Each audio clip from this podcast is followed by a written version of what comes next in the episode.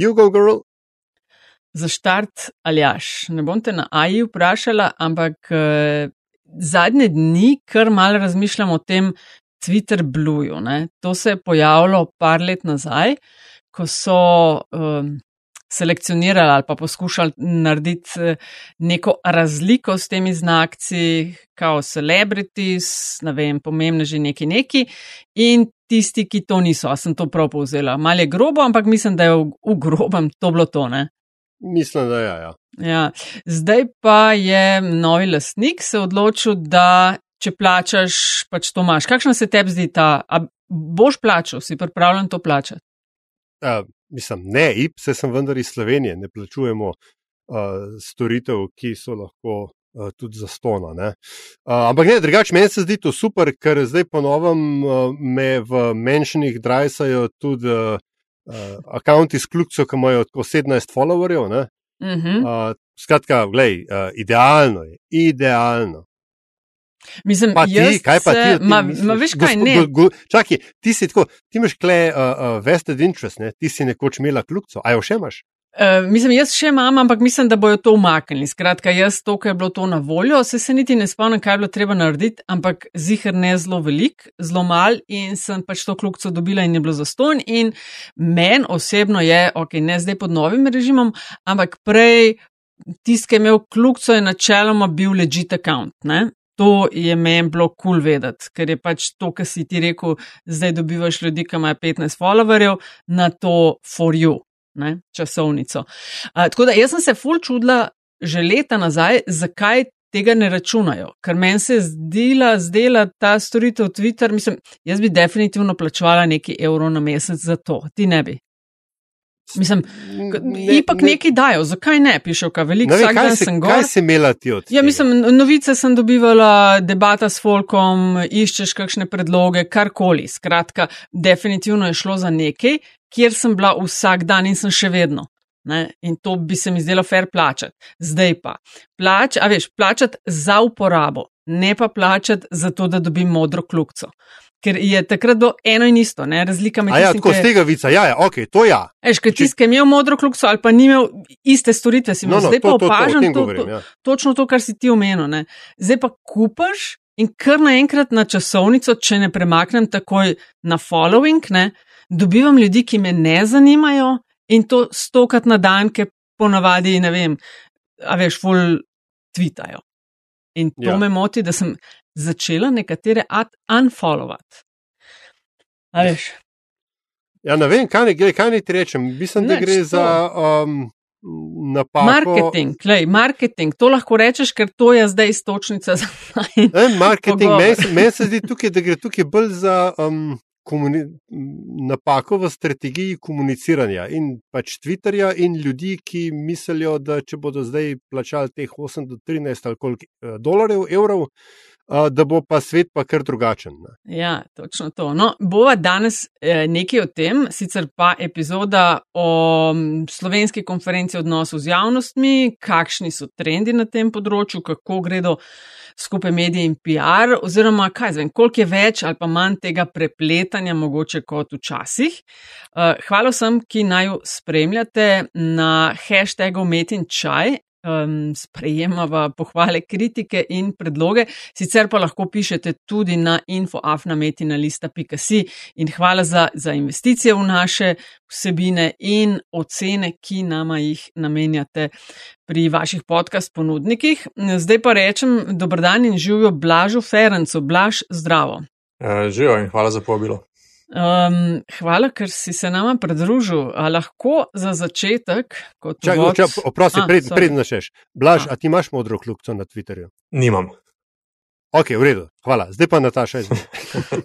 okay, ja, zdaj mora razložiti, zakaj ne. Mislim, a, a boš to, kar smo govorili, te zanima to uh, kupiti, plačati, ne vem, koliko je 8 evrov ali dolarjev na mesec. Razmišljaš o tem? Um, v bistvu, dokler se nista videla zelo poglobljeno lotila te debate, um, nisem razmišljal o tem, da bi, da bi jo vzel. Um, in tudi naprej, mislim, Twitter je rekel od vseh kanalov, ki jih jaz uporabljam za informiranje, mogoče najmanj aktualen za me. Ga sicer spremljam, težko pa rečem, da sem zelo aktiven na njem. A, okay. Ja, dobro, Blaž, pa pa za začetek, eh, tako kot vsi gostje, um, ena kratka predstavitev. Če lahko poveš, odkje prihajaš, kaj delaš, kakšna je tvoja povezava s komuniciranjem z mediji, izvoli. Uh, ja, torej, um, trenutno delam na A1, kjer sem v Sloveniji in Srbiji zadolžen za vodenje oddelkov, ki se ukvarjata z odnosi z javnostmi, oziroma s korporativnim komuniciranjem, kot temu rečemo, in pa z trajnostjo. Predtem sem delal v dveh večjih agencijah za komuniciranje, se pravi na taktiko in na pristopu. V prostem času sem vodja programskega odbora Slovenske konference odnosi z javnostmi. Navdušen smočar in tenisač, tudi nogomet igram, rad preberem kakšno knjigo. Evo, komuniciral sem že nekih 15 let in lahko mislim, ko opisujem samega sebe, kaj delam v življenju, poklicno rečem, da sem komunikator. No, Krasno, evo, takoj istočnica za prvo vprašanje.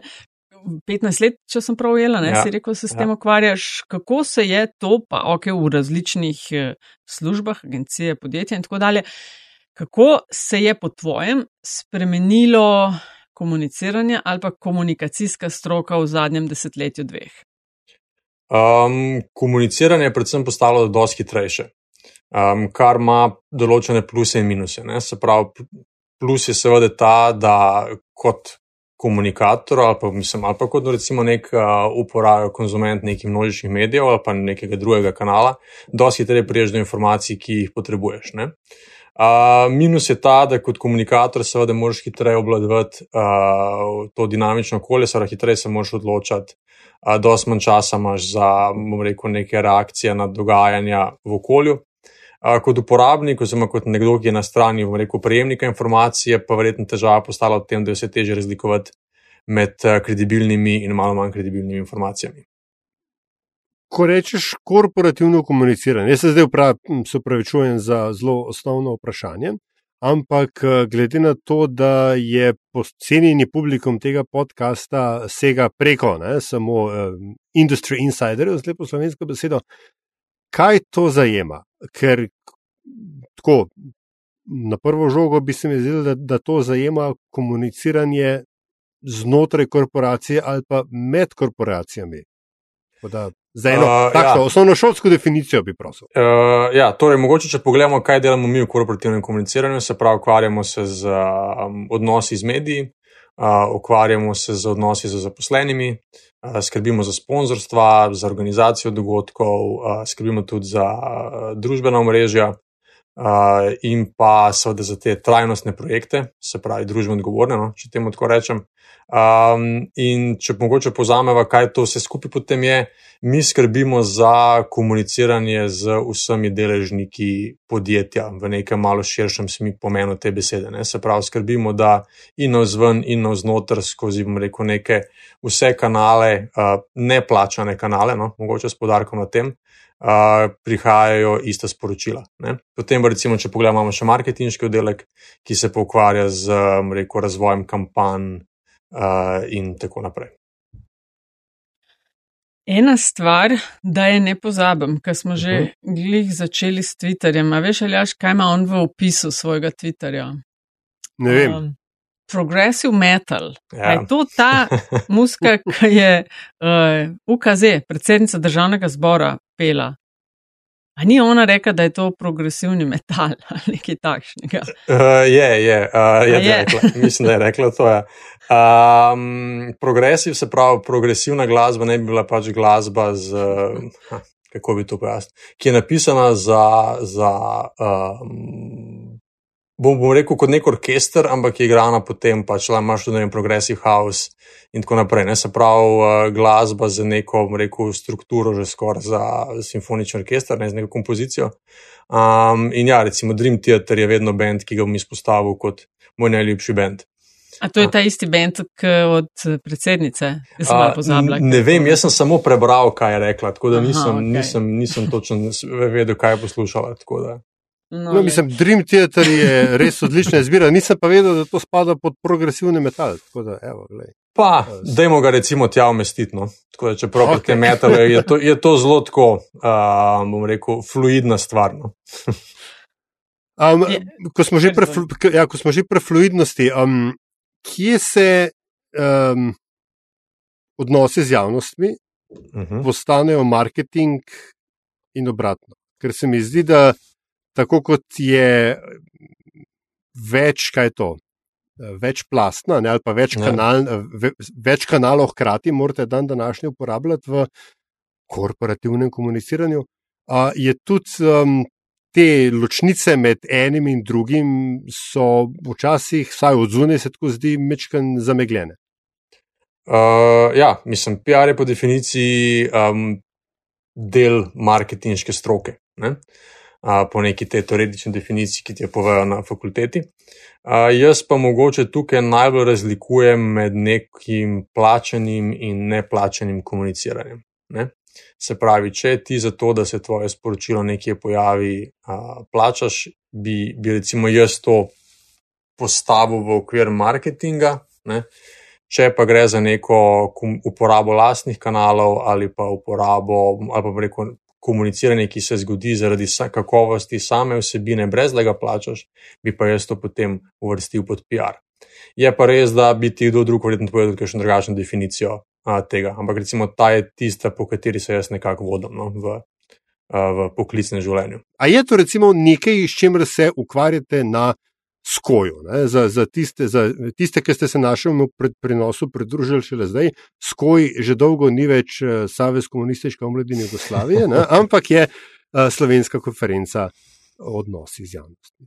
Uh, ja, to je v bistvu tema, s katero se redno ukvarjamo na skoju. Ne izpostavljamo mogoče veliko do srednje teme, je pa to, rekel, kar pogosta debata uh, med komunikatorji, um, kaj ja, kaj ne. Um, pač mediji tudi so razvili v zadnjih letih uh, veliko enih formatov, kjer uh, v bistvu um, plačaš za neko um, kaj bi temu rekel, marketinško vsebino, ki pa je po neki sami vsebini bolj podobna uh, članku. Ne? Um, seveda to pač največkrat tudi temu ustrezno označijo. Ne? Ampak je recimo kar dosti pogosta debata o tem, o tem kaj, ali to je format, ki ima ustrezen doseg, ali je to format, ki je mogoče samo nek uh, nadomestek oglasa. Ne? Um, in, in nekega enoznačnega odgovora na to ni. Ne? Vsak rekel, komunikator ima, svoj, ima nek svoj pogled uh, na to. Moj pogled je, da recimo um, uredniška vsebina še vedno poseka vse ostalo, um, kar, kar lahko, bom rekel, komunikatorji, PR-ovci ali marketinški komunikatorji sproduciramo. Ne? Kar tudi mogoče zdaj s pojavljanjem teh influencerjev, ki influencerji na nek način so to, ne? so na nek način uredniška vsebina, se pravi, on nekaj objavi, vsaj na začetku je bilo tako, zato ker verjame, da je to dobro in ker bo neko svoje, neko ime zastavi uh, za ta izdelek, temo, karkoli pač komunicira. Ne. Sicer pa je tema skoja letos nepredvidljivost v okolju, v stroki, v, v poslu. Um, tako da se bomo malo več ukvarjali s tem, ampak sigurno se bo tudi ta debata, v kateri se zdaj mi menimo, uh, pojavila večkrat in na odru, in potem ob kakšni kavi med odmori. Omenil si prej, Blaž, da so tudi mediji razvili različne oblike ali produkte. Kaj si tukaj imel v mislih? Um, ne vem, recimo imamo več medijev, kjer, uh, kjer pač se dogovoriš z, z njihovimi rekel, prodajalci glasnega prostora, da boš pač zakupil nek, nek rekel, prostor, ne, ki je lahko ja. v neki specializirani prilogi na neko temo. Ali pa pač na spletu, kakorkoli, ne, ki je označen kot oglasno sporočilo, ampak je pa po sami vsebini, strukturi, videzu relativno podoben. Je pa bolj podoben v neko nekem uredniškem članku kot oglasu, no, če lahko rečem. Mm -hmm. Ja, ja, to so tisti evrči, ki jih narišajo nekam kod, da Recimo. jih je zelo težko opaziti, pa pa ljudi zelo hitro mislijo, da gre točno to za nek novinarski produkt, gre pa pravzaprav za marketinški. Uh, res je, čeprav se mi zdi, da v Sloveniji s tem nimamo nekih, uh, nekih težav. Se mi zdi, da so, da so transparentno uh, označeni, da so relativno transparentno označeni ti teksti, no, v primerjavi mm. s kakšno drugo državo, ki jo, ki jo poznamo. Recimo s Kero. Recimo Srbijo. Ah, dobro, to medijska scena pač v Srbiji je non-existent. Ne? Uh, Na nek način res. Bova pa, evo, to pa lahko že zdaj poveva, da mava zalažem v planu v eni od naslednjih epizod točno o tem govoriti, o medijski sceni v Srbiji. No, um, kakšna pa je dovzetnost medijev za plačane objave? Zdaj, če bi ugibala, se pravi za te, ki uh -huh. zgledajo kot uh, klasičen novinarski izdelek, pa so v bistvu um, marketinška vsebina, uh, kakšna je dovzetnost, bi rekla, tako ugibam spet, mhm. da zaradi vse manjših proračunov medijev in velikih težav s financiranjem in s proračuni manjšimi, da je dovzetno za to če dalje večja. Mogoče se pa motim, ne vem, deset let nazaj pa danes. Uh... Je večja, um, pri čemer pa mogoče naj bi to govoril o dovzetnosti. To je, mediji so se tu mogli prilagoditi času. Ne? No, vse to je mišljeno. Ja, in in um, so se prilagodili s tem, da so v bistvu um, spoznali, da mogoče samo oglaševanje v, v, v rekel, njihovih straneh, ali v tiskanih, ali spletnih, mogoče nima več takega dosega, pa take moči, ali pa take dodane vrednosti za, za podjetja. Ne? In so poiskali neke nove formate, uh, ki jih lahko ponudijo. Um, zdaj, teh formatov je vse več, po eni strani je vse več zato, ker uh, očitno delujejo, po drugi strani pa vse tudi zato, ker je mogoče to nek tak relativno, uh, bom rekel, relativno lepa kombinacija med uh, oglaševanjem in PR-jem, um, ki po drugi strani medijem doda neko vrednost. Ne? Uh, vse to ni vsebina, ki, ki je brezvezna. Ne? Teh, teh pač formatih noter. Ne? To je vsebina, ki ima vrednost, ampak mogoče glede na neke te novičarske vrednote, uh, ki jih ne bi mediji uporabljali pri rekel, rednikovanju, ne bi tako pogosto dobila prostora tam. Je pa, je pa dejstvo, da za nekatere ciljne skupine te informacije imajo vrednost. Samo mogoče ta ciljna skupina ne vem, v nekem mediju ni dovolj velika, da bi se njim zdelo vredno redno objavljati te teme. Ne? Tako je pa pač ja, ja. objavljeno. Zdaj imajo verjetno old school uredniki napad z gage, ko poslušajo. A, a, ampak um, omenil si na začetku številne uh, kanale, ne, ta mm. parcelacija komunikacije in uh, po drugi strani tudi parcelacija oziroma številne tudi nove formate. Koliko zelo je ta pojav uh, zakompliciral življenje PR-ovca oziroma PR-ovcev? Um, Dejva reči, da je razširil nabor možnosti. Ne? In ko imaš velik nabor možnosti, je po eni strani fajn, po drugi strani imaš pa nek tyranny of choice in se moraš odločiti. Ne? Tako da je, so neki taki sladki problemi. Ne? Um, zakompliciral ga je na ta način, da, da je nek pritok informacij pač ogromen. Ne? In potem s temi informacijami moraš nekaj narediti. Uh, mi, PR-ovci, tudi radi živimo v neki iluziji, da uh, kontroliramo, kaj pač se komunicira okrog nas. Ne? Seveda je to samo neka iluzija, uh, ampak ta iluzija se nam zdaj, rekel, kar po mojem učinkovito razbija v zadnjih letih, ravno zaradi pač tega. Tega ogromnega obsega kanalov, ki jih lahko uporabljamo in ki jih lahko tudi drugi uporabljajo, da komunicirajo, recimo, v naših organizacijah. Uh, tako da jaz mislim, da predvsem je to vse zahtevalo eno spremembo um, načina razmišljanja. Ne?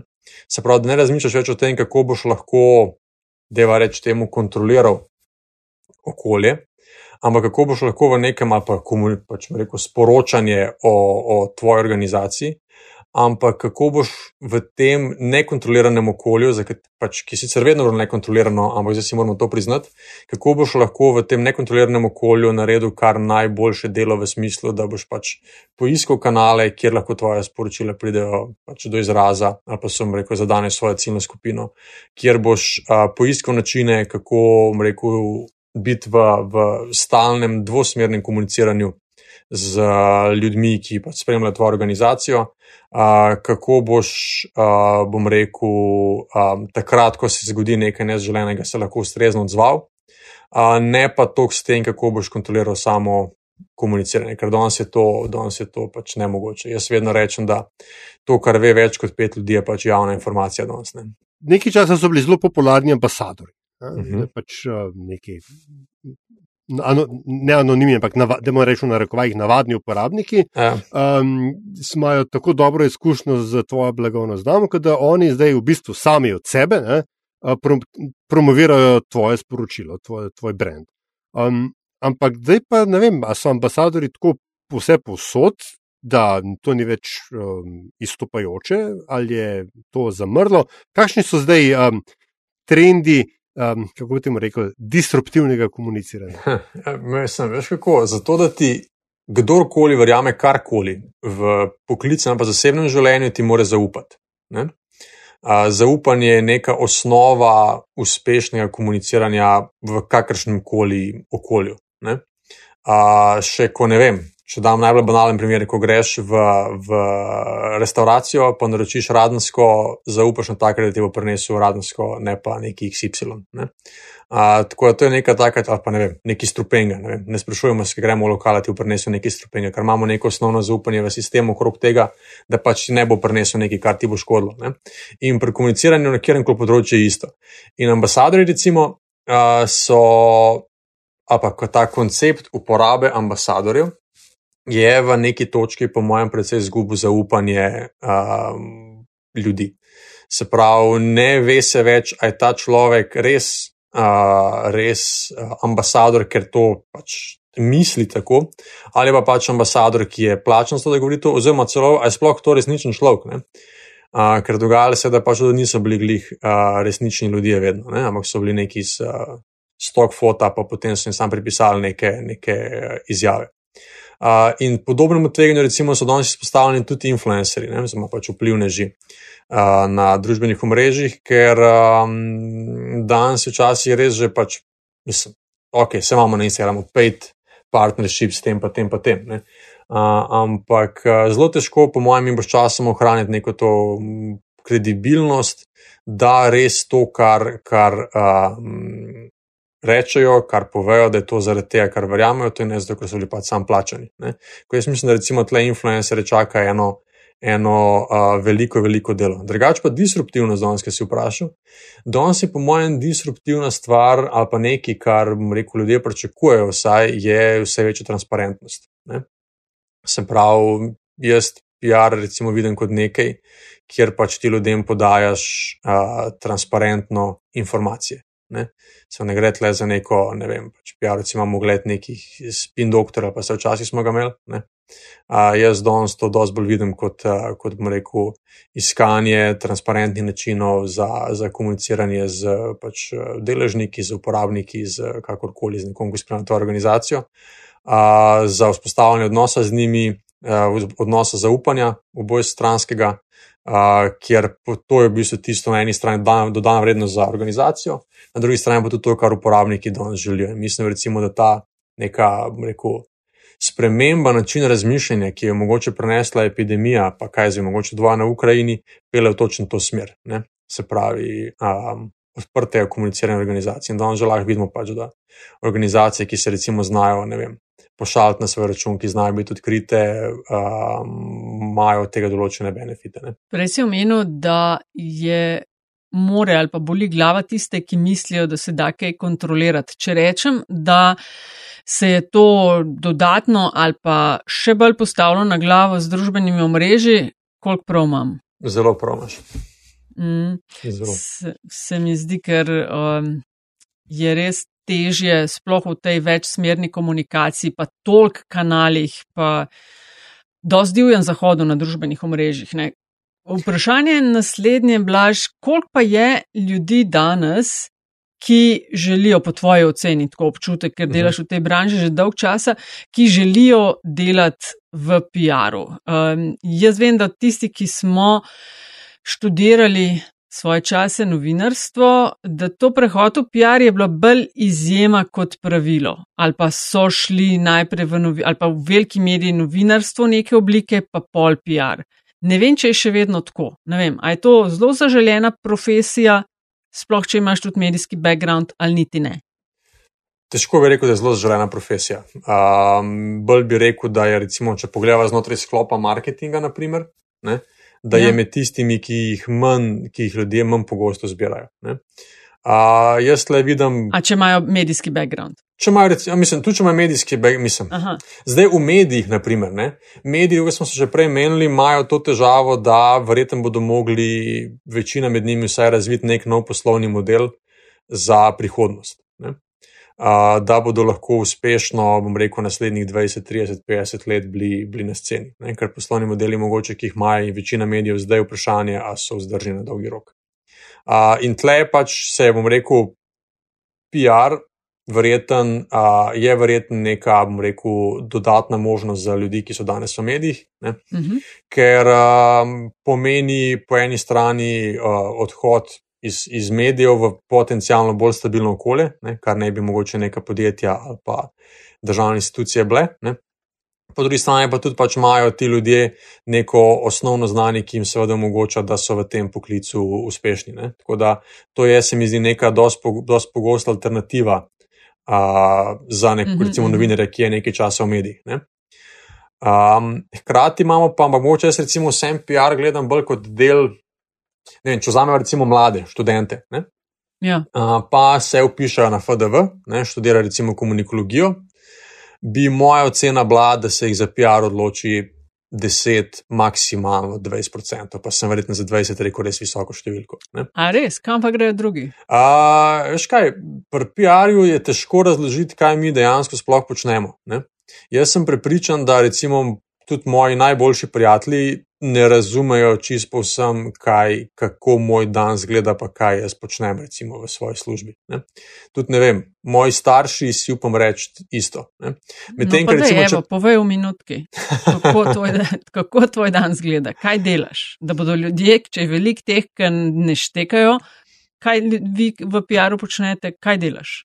No, zdaj, moje delo je pač tako zdaj, ker vodim ta dva oddelka, je speci- je pač specifika v tem, da se ne ukvarjam z redno z nekim operativnim delom, ampak pač recimo, če vzamemo da, da nek, nekoga v, v oddelku. Ne, a, gre pa za to, da pač um, redno spremljaš medije, a, se interno pogovarjaš o tem, kaj so pomembna, pomembne teme, kaj niso pomembne teme, a, kako te pomembne teme skomunicirati interno, eksterno. Um, kaj so prava sporočila, kaj so, kaj so a, pravi kanali, kaj je pravi timing. Um, ali se da kakšne, bom rekel, potencijalno problematične teme, ali se da temu izogniti s kakšnim, bom rekel, drugačnim odločitvijo, z drugačnim uh, vedenjem. Um, kaj bomo naredili, če pač uh, prije do nekega izziva, se pravi, vse to so, vse to so neke, neke stvari, s katerimi se ukvarjamo. Ne? Vse to se mi zdi dosti klasično. Kaj pa mislijo, da je drugega PR? Kot Pa to? kaj pa vem, ne vem, eni mislim, da špricamo z barvo po stropu, pa, pa smo dive kreativni, uh, eni Aha. mislim, da pišemo kopije za, za oglase, uh, eni mislijo, da, da pač, uh, kaj jaz vem, cele dneve sedimo po kavicah, veliko teh različnih interpretacij. No? Čeprav ta, ta situacija za špricanje z barvo po stropu, tam mi je všeč. Ta, ta treba Ja, to bi probat, mogli ne. dodati. Ja, to so meni rekli na. To, ta primer vedno uporabljam, ker so ga meni rekli na, na prvem razgovoru, se pravi na razgovoru za mojo prvo službo na takratni Futuri PR, danes taktiku. Mi je direktor rekel, da sam da se razumemo, ne, PR ni posel, kjer špricamo z baro po stropu, pa smo divje kreativni, tle je veliko enega zicledra, veliko enega, bi rekel, sedenja, pisanja, računa- trdega dela za računalnikom. No.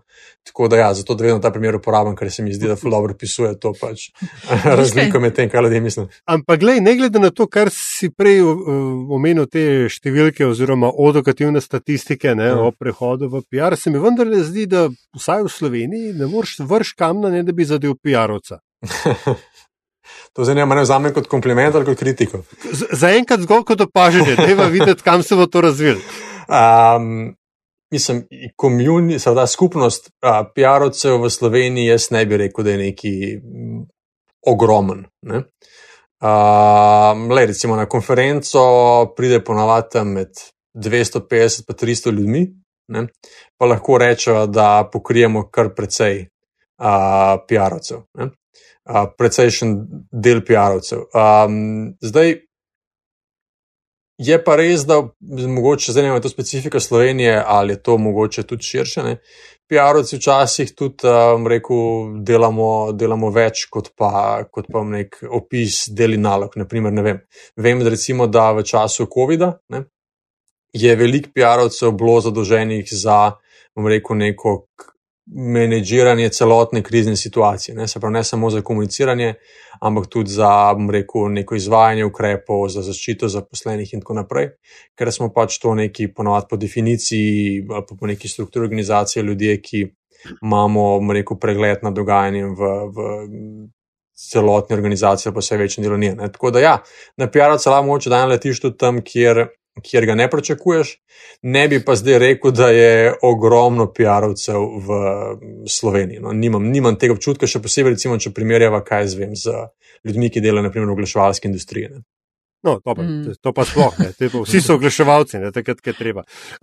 Glej, še to, sorry, Nataša, da, da še skočim, ker si omenil tudi uh, kot uh, opis, uh, opis del in nalog. Ne, um, reagiranje ali pa um, reagiranje na tem ali pa izogibanje nekim konfliktom in tako dalje. Kakšno je po eni strani PR-ovsko okolje oziroma osnovni PR-ovski refleks v Sloveniji in kakšno je okolje, v katerem delujete? Po pitanju, ne, z lepo slovensko besedo, um, naprednih, kontroverznih, kakršnih koli pač teh uh, vročih družbenih tem. Recimo v, pred kaj, nekaj leti ne, so imeli v ZDA to vprašanje Kolina Kajpernika, take the knee. Ne, in potem tisti brendi, tiste korporacije, so, ene so se temu izognile, druge so to rekle, ne, ne, mi smo to za, ker je inkluzivno, ker mm -hmm. pač priznava okoliščine, ki so do, do, do, do tega pripeljale. Kako je s tem v Sloveniji? Ko recimo PR-ovc vidi rdečo zvezdo ali pa križ, kaj, a zbeži stran, da reče, hm, s tem se da nekaj narediti. Uh, prvi instinkt uh, PR-ovca je, da se pač reku, temu izogneš. Um, vsaj bil je v zadnjih desetih letih, recimo. Uh, se pa to zelo spremenja. Um, zelo se to spremenja, zato ker um, znamke danes rabijo pač neko, nek širši ali pa mogoče bolj jasno izražen nabor vrednot, za katerimi stojijo, kot so jih rabljali včasih. Ne? Naprimer, povem primer. Um, v enem izmed, um, mam, mislim, sem mentor nekaterim študentom v enem, v enem programu. Uh, in pred časom sem se pogovarjal z eno od mentorirank, ki mi je rekla, da pač njena generacija govoriva o, govoriva o vem, 20 do 25 let starih uh, ljudeh, da recimo njena generacija, pa njeni prijatelji, preden se odločijo za nek večji nakup, preberejo trajnostno poročilo um, organizacije, od katere kupujejo. Ne. Recimo, meni to ne bi na koncu pameti padlo uh, do nedavnega, dokler pač nisem se začel bolj ukvarjati s trajnostjo, ampak njena generacija to počne. Ne? Se pravi, uh, moraš poskrbeti za to, da si trajnosten, moraš poskrbeti za to, da se postaviš za neke, za neke stvari, da, da reku, podpiraš nek pozitiven družbeni razvoj, kaj bi temu rekel. Ne? Uh, zdaj, zvezda, križ, kontroverzne družbene teme, uh, ja, mogoče ne skočiš na vsako na prvo žogo, ne? ampak si po organizaciji o te, teh temah mora ustvariti mnenje. Uh, in za tem mnenjem nekako stati lahko samo reaktivno, če pač nekdo vpraša. Ne. Um, se pa tudi, seveda, vse več dogaja, da, da se organizacije proaktivno postavijo za te teme. Pričemer pa seveda treba potem biti pozoren na to, da te teme ne izkoriščaš za, za neko lastno promocijo, ampak gre za to, da dejansko poskušaš dodati nek kamenček v mozaik, da bi se nekaj na tem področju spremenil, ne, da bi šlo na boljše, ne samo da potem reko populistično zameš temo, jo zajahaš, um, dobiš uh, lajke, dobiš šere uh, in tako naprej, uh, potem pa temu pozabiš in jo postaviš v predal, takoj, ko pač nekaj biti manj zanimiva v okolju. Ne. To se mi zdi, da je postalo v zadnjih letih kar zelo pomembno. Ali až ti si dal sicer primer iz par let pa Amerike, ampak se mi zdi, da smo imeli že v zadnjih tednih tudi s temi velikonočnimi, pa primer NKBM, odpiranje računa za eh, društvo, ki je proti splavu, pa um, kaj smo imeli z Magnifikom, je tudi bila, pa je bil tisti špar ali kaj že, uh, ko se je ena skupina, a zdaj pa ne bomo več prva skupvali, ker nekaj, nekaj. Ne. Se mi zdi, da, da je to nekaj, tako kot si rekel, blaš, ja, da morajo resno razmisliti in se postaviti, da ni več tistega, mi smo pa od vseh, pa za vse je pa tako, ampak to so naša stališča, za tem stojimo in to bomo podprli tudi z oglaševanji izdelki, influencerji, s katerimi sodelujemo. Je, ne? A, ja, ja, seveda. Um, mislim, danes. Za razliko recimo, ne vem, kaj sem 10-15 let nazaj, ko te je lahko verjetno samo novinar vprašal, kaj misliš o tem, ne te danes lahko vpraša vsak. Ja, ja. Um, in ker te lahko vpraša vsak, in če si pač mu rekel, ne, neka zrela, zrela organizacija, pa zrela oseba, pač probiš odgovoriti na to. Ne? In da lahko odgovoriš. Razložiti, zakaj ne, tako komentirati. Tako, in če hočeš odgovoriti na to, moraš pa razmisliti o tem, zakaj, zakaj si izbral eno stran. Ampak se le, lahko tudi ne rabiš zbrati strani. Ja, ja, ja, ja. Ampak pač moraš pa imeti neko mnenje, nek, nek pogled na to, ki ga potem lahko deliš. Ne?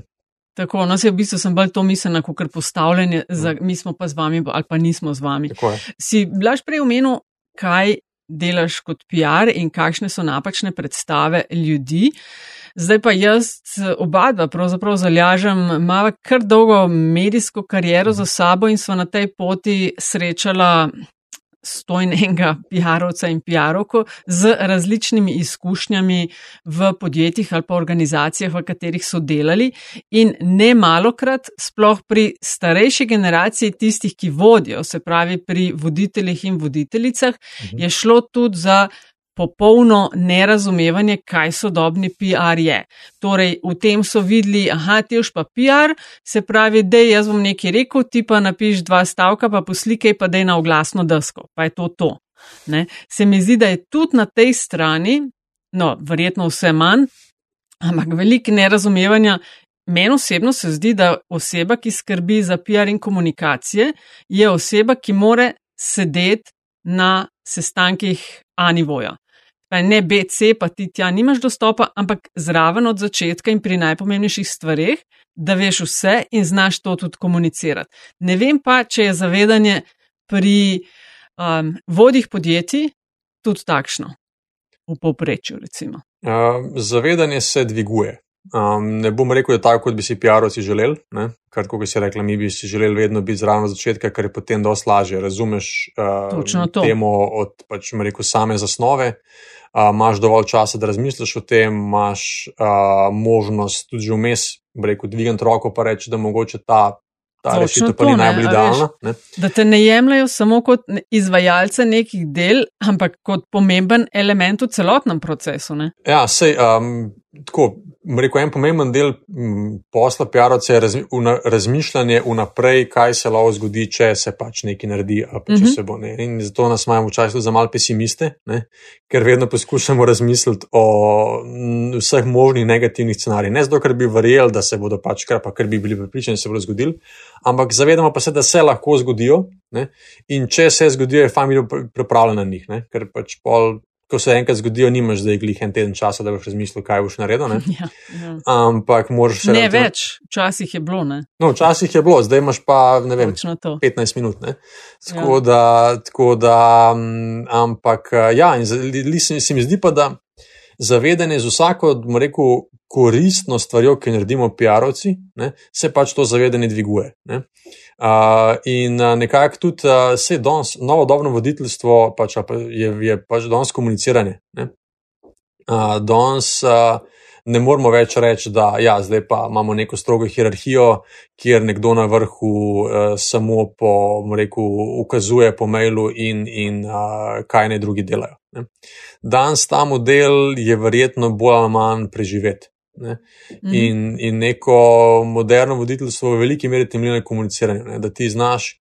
Da ti znaš razložiti, zakaj je določena odločitev, da ti znaš reku, um, da si avtentičen v tem, kar delaš. Ne? Se pravi, več dovolj, da si samo um, uspešen poslovnež, moraš tudi imeti neko to avtentičnost, da ti ljudje, da ti ljudje reku, zaupajo, da ti sledijo. Um, ker, uh, recimo, ne vem, zanj sem gledal Edelman Trust Barometer, A, ne vem, če poznate to, to raziskavo. Um, sem jo, jo pogledala. Ja, recimo zdaj dve leti zapor, če se ne motim, no, za leto sem pripričan, da je biznis, se pravi, kot podjetje, gospodarstvo na prvem mestu po zaupanju. Vse razlike niso velike, ne, ampak predtem ga ni bilo niti blizu. Ne.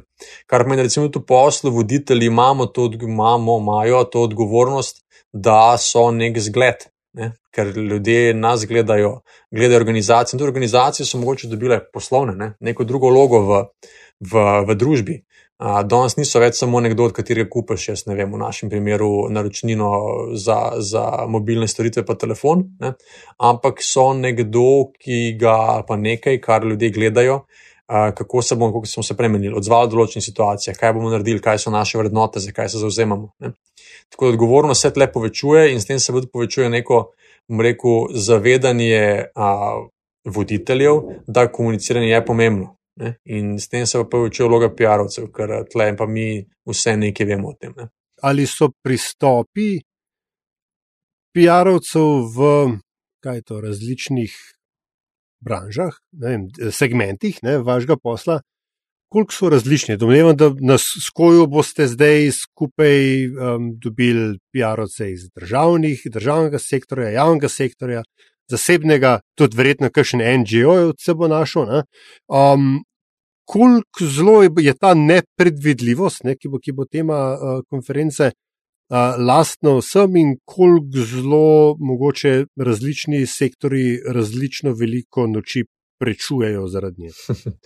Uh, nepredvidljivost bo vplivala na vse, samo na različnih področjih. Ne, recimo, mi smo prepoznali kot neke osnovne teme nepredvidljivost v samem, reku, na samem trgu dela, tle se zdaj ful spremenja.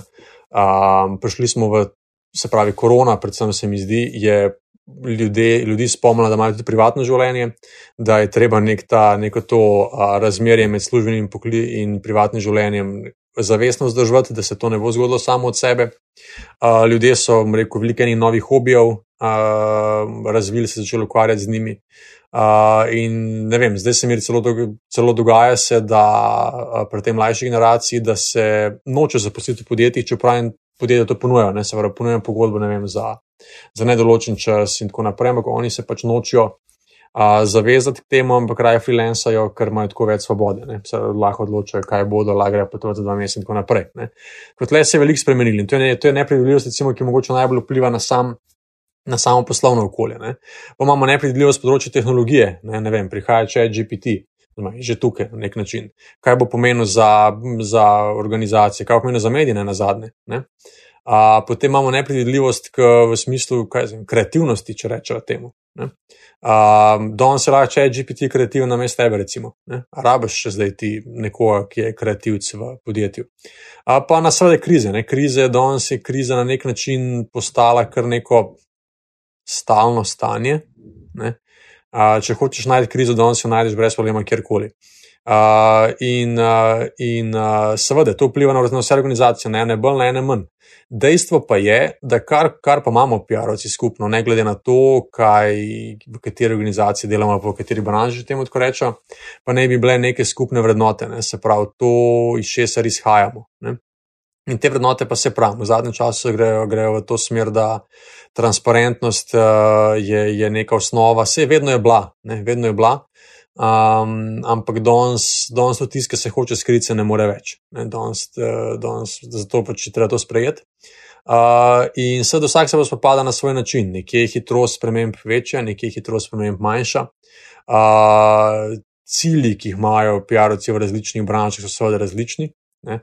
Um, vem, NGO, ki smo omenili, ima verjetno tudi lažji dostop do medijev, mogoče kot neka organizacija, lažji dostop do nekih drugih deležnikov po drugi strani ima manj verov, ne, ki jih lahko uporablja, tako da mora pač najti nek svoj način komuniciranja. Nekdo, ki dela v nekem velikem podjetju, kot naprimer jaz trenutno, ima, ima vere na razpolago, dosti večje kot večina drugih PR-ovcev, po drugi strani od več tenkih mora pokrivati in zato nepredvidljivost mogoče. Se lahko na več področjih izrazi. Uh, tako da, ja, mislim, nepredvidljivost se ne vpliva samo na komuniciranje, vpliva tudi na posel kot tak. PR-ovci smo pa nek ne, ne izogiben del posla, se mi zdi. Se jaz imam celo, se mi zdi, ne vem, ki na LinkedIn nekje imam napisan, da v pač neko moje poslanstvo, pa neka moja vizija tega, kaj ne bi komunikator delal, je, da s komuniciranjem pomaga organizacijam biti boljši. Ne morem mimo opaske, da pri um, omembi če GPT-ja nisi omenil, da bi lahko nadomestil PR-ovce. Lahko ga nadomesti. Lahko no, provocira. Ampak, sorry, sorry, sorry, ne, ne, neč ga provocirati, ker klele ga naprej vpraš. Kje ja, ja. dele vašega dela, tvojega dela, dela AI danes? Uh, danes lahko že precej, precej dobro, recimo, napiše tekst. Uh, naprimer, uh, zanj sem celo en, dobo eno ponudbo enega poslovnega partnerja, ki je bila napisana s ChatGPT-jem, pa razne ene, dveh, treh stvari, ki so mi bile malo tako čudne. Ne? Noter napisane, je, bil, je bila ponudba čisto korektna. Tako, brez da bi, mislim, če bi jo verjetno prebral deset ljudi, bi en verjetno ne bi opazil, da je če, če GPT napisal pa dva. Ne? Tako da, ja, da predvsem pa pisanje, definitivno. Um, tudi uh, je pa tako, PR je neka mehka veščina. Ne? In, in zdaj vprašanje, ali bo artificial intelligence znal, da je te mehke veščine te mere nadomestiti. Nikoli ne bo mogel nadomestiti nekaj osebnega kontakta, verjetno, ker ta osebni kontakt pri nas še vedno je pomemben del posla. Ampak kar se tiče pa samega kreiranja tekstov, uh, tudi mu rekel nekega, verjetno na neki točki upravljanja družbenih omrežij, uh, komunikacije z uporabniki. Ne? Tle pa že v bistvu se gre, gre, gremo v to smer, in, in sigurno bo AI prevzemal če dalje večji del tega posla. Tako na strani, bom rekel, PR-ovcev, kot na strani novinarjev. Ne. Prej si omenil tudi um, transparentnost, transparentnost kot vedno večjo, um, vedno bolj pomemben element ne, v, v mm. vašem delu, v vašem poslanstvu. A je to, popravi me, če se motim, no, ampak zdi se mi, da je to ena lastnost, ki je prišla v splošno PR-ovsko uporabo, ne tudi v zasebnih podjetjih, iz javnega sektorja. Tam se je najprej se je začelo govoriti o, o transparentnosti, največje zahteve po transparentnosti so bile, za katere, vsaj tak je dojem, ne, včasih firme, zasebne firme temu niso bile tako zavezane. A je tukaj prelivanje, ker zdaj, ne, da, spet, da, se, da se sam sebe dopolnim. Velikrat se je govorilo o prehodu ne, z, um, praks iz odzivnosti, ne? predvsem iz eh, zasebnega v javni sektor. Tukaj se mi zdi pa, da grejo stvari v obratno smer ali pač. Ja, eh, sigurno je to prispevalo. Ne? Eh, ta transparentnost, ki, se, ki jo pričakujemo od javnega sektorja, um, je pomagala pri tem. Um, moje mnenje sicer je, da bi lahko še kaj več od oni naredili na tem področju. Ne? Predvsem pa večji vpliv kot to bi pa rekel, da je imela neka neka splošna dostopnost informacij ne? in, neka, in neka potreba a, ljudi, da, da dobijo tudi razlago. Ne? Se pravi, ni več dovolj, da samo rečeš nekaj in, in bo, ne? ampak mogoče s tem nekim, tudi mogoče z manjšim zaupanjem v to, kar ljudje vidijo na televiziji, kar preberajo v medijih, kar preberajo na družbenih omrežjih. Je pripeljalo do tega, da je treba če dalje več stvari argumentirati, kar se meni zdi prav. Um, in uh, tle je, po mojem, glavna neka, glavni razlog za to, da tudi rekel, v komuniciranju organizacij transparentnost zauzemo, mislim. Pa sej, govorimo o transparentnosti, kaj je prej ni bilo, vse je bila, ne? ampak gremo pa zdaj dosti bolj, treba iti v neko argumentacijo, v neko, v neko drobovje, v pojasniti, da bi ljudje zaupali. Ne? Se pravi, ljudje so postali dosti bolj kritični od tega, kar, kar vidijo, kar preberejo. 11. in 12. maja imate blaš v Portorožu 25. že skoj. Res je. V vrtincu nepredvidljivosti, tako kot si omenil, in to je rdeča linija. Kaj se bodo tisti, ki pridejo, naučili, kaj upate, da se boste naučili, zvedeli? Um, predvsem želimo mi v tem organizacijskem odboru ponuditi, pa bom rekel, razširiti neko polje razumevanja, kaj vse komunikator lahko prispeva k tej, tej nepredvidljivosti. Ne? Um, se pravi, kaj, kaj je lahko vloga komunikatorja, vse poleg neke tem, rekel, osnovne, ki jo, ki jo imamo ne? v podjetjih kje je vse naše znanje, ki, ki ga imamo, da lahko upravljamo salo, kje, kje vse lahko še pride prav um, organizacijam. Uh, in v končni fazi, kaj je neka naša družbena vloga? Ne? Se pravi, se nismo samo, nismo samo zaposleni v podjetjih, smo tudi posamezniki, ki imamo neka privatna življenja in tudi tam lahko s tem, in, s tem znanjem o komuniciranju naredimo nekaj dobrega za nek ožji ali pa širši družbeni krok. Ne. Tako da, ker um, jaz pravim, da naša naloga v tej neki kompleksni, če da bolj kompleksni realnosti je, da jo poskušamo osmišljati. Ne. Se pravi, da poskušamo neke, neke informacije povezati in jih podati na tak način, da jih lahko tudi nekdo, ki ne. Ki ne uh, teme ne, rekel, poznava podrobno, lahko v osnovi razume, zakaj gre. Ne? Na nek način um, smo tle zelo podobni novinarjem.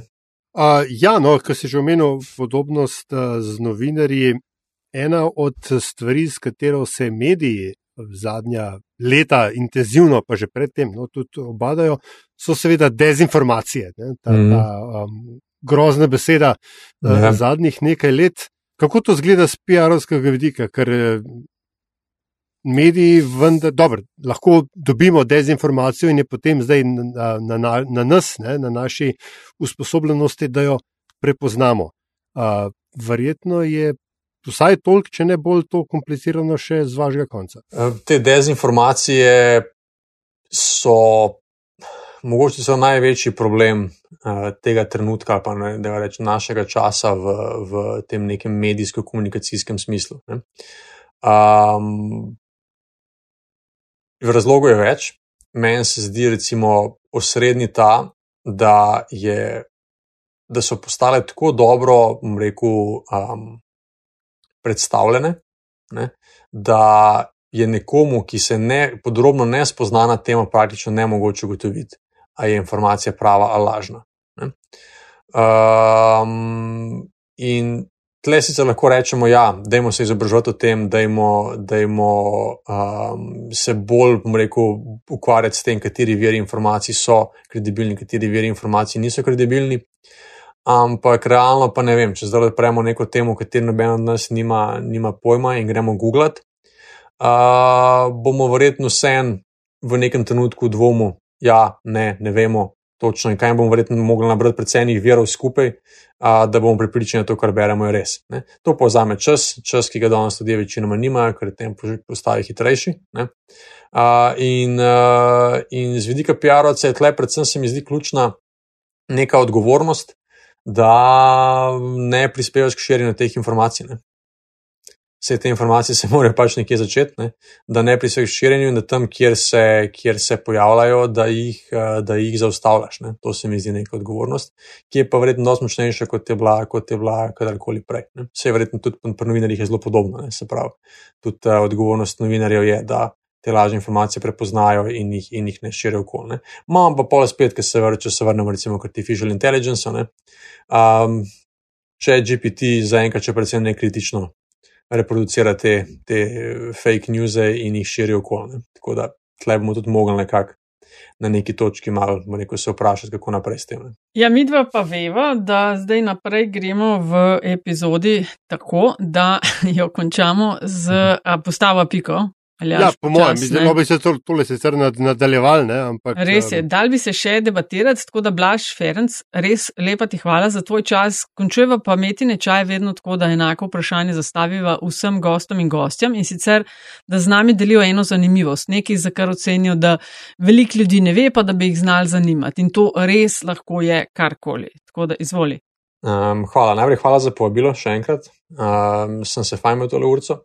Uh, bom pa pri zanimivosti izhajal iz ene PR-ovske šale, se pravi, včasih PR-ovci rečemo, da PR-ovci je naprava, ki kavo pretvarja v smiselne stavke. Uh, no, jaz ne pijem kave. Ne? Tako da mogoče pač mislim, da sem redkih PR-ovcev, ki dejansko ne pije kave in ponovadi to rečem kot kakšno zanimivost. Uh, o sebi. Kako lahko živiš to? Da nas je kar ostala brez besed. Ja.